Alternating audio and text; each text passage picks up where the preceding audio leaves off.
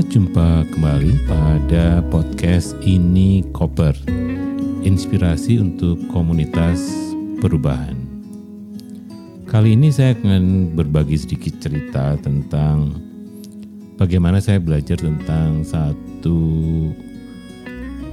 metode yang kemudian mempengaruhi cara presentasi saya dan kawan-kawan di beberapa pertemuan yang baru saja kami fasilitasi.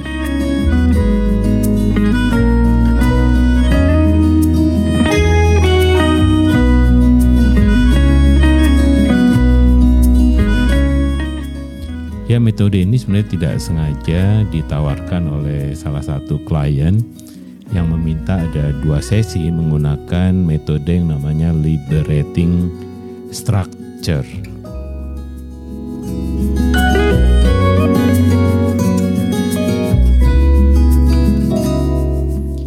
Dari namanya sendiri sebenarnya sangat menarik perhatian saya karena liber instructor berarti ada sesuatu yang dibebaskan pada sebuah proses fasilitasi.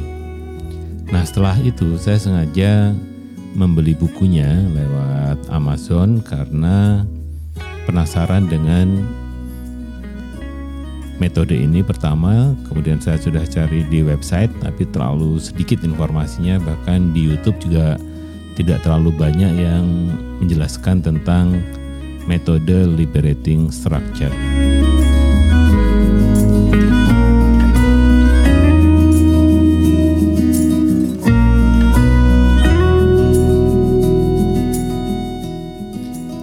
Setelah saya baca tentang liberating structure itu mirip sebenarnya apa yang saya dan kawan-kawan lakukan pada 20 tahun terakhir ini yang kami sebut sebagai vibrant facilitation.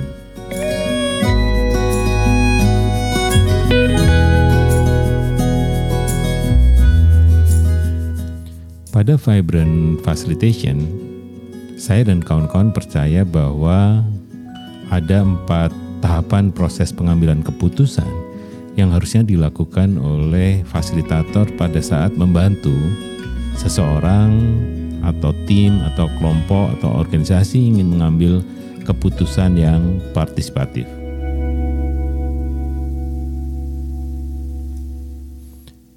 Nah, biasanya kita mulai dari apa yang kami sebut sebagai full participation Full participation adalah artinya bahwa semua peserta atau semua pihak yang terlibat dalam sebuah proses pertemuan itu tanpa harus didiskon harus terlibat di dalam percakapan-percakapan yang dibangun untuk mengambil keputusan yang berkualitas.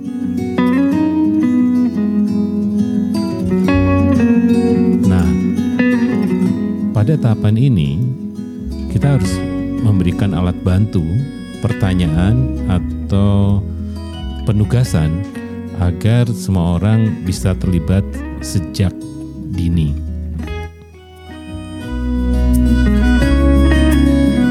Pada tahap yang kedua, biasanya kita melakukan apa yang kita sebut sebagai tahapan mutual understanding, yaitu bagaimana para peserta bisa saling memahami apa yang menjadi pikiran-pikirannya, apa yang menjadi ide-idenya, apa yang menjadi opininya, dan apa yang menjadi pendapatnya.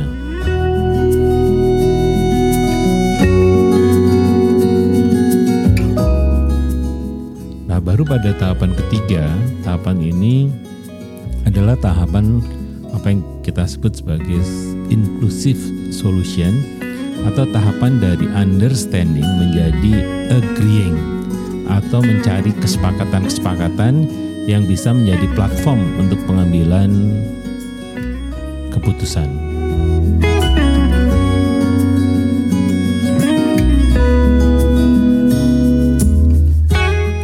Setelah melalui tahapan yang ketiga atau tahapan agreeing, maka tahapan terakhir adalah tahapan yang disebut dengan share responsibilities, yaitu bagaimana apa yang menjadi kesepakatan itu disampaikan ke kelompok yang lebih besar untuk menjadi kesepakatan bersama.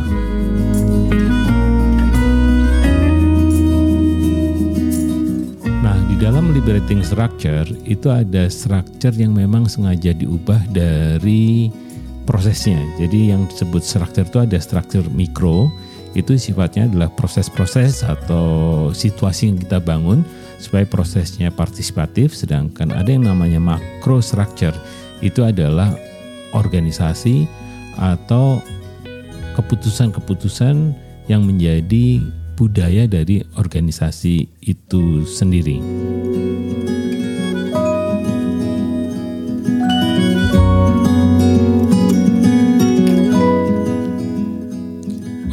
Itu di tahapan di tahapan liberating structure kita kenal ada rumus yang disebut dengan satu, dua, empat, and all.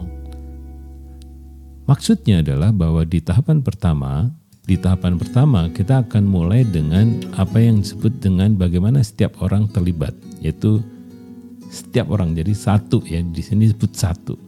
Dan kemudian kita masuk ke tahapan dua. Dua itu artinya bahwa setiap dua peserta itu melakukan percakapan-percakapan dari apa yang dimulai dari yang satu tadi. Nah, berikutnya adalah bagaimana ya kita berkumpul menjadi berempat. Nah, di berempat inilah tahapan kesepakatan awal atau agreeing. Jadi dari understanding ya di yang dua, nah di empat dicari adalah langkah-langkah untuk mencari kesepakatan dan kemudian di tahapan akhir yang namanya all. Nah, di tahapan all ini presentasi atau apa yang dicapai di kelompok 4 disampaikan kepada semua peserta yang hadir pada pertemuan itu.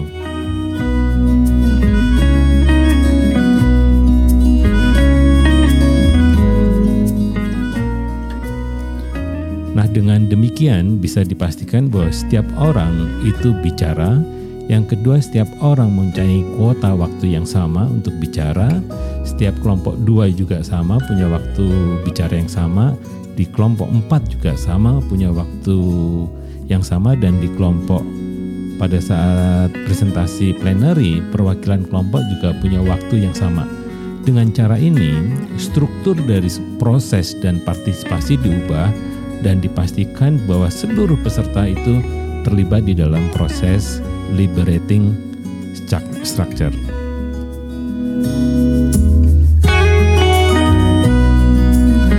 Nah, di tahapan ini sebenarnya sangat hampir sama dengan apa yang kami kembangkan di Vibrant Facilitation.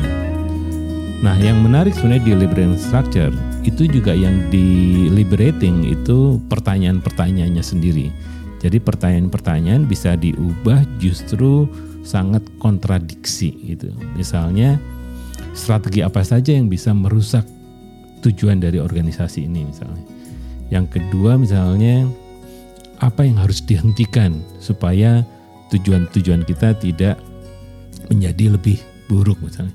Jadi pertanyaan-pertanyaan juga sangat diubah menjadi 128 derajat dari pertanyaan-pertanyaan yang standar. Dan ini menjadi menarik dari apa yang kita bisa pelajari pada liberating structure. Jadi itu saja ya sharing tentang liberating structure nanti saya akan tambahkan pada edisi edisi berikutnya. Sampai jumpa pada ini koper berikutnya.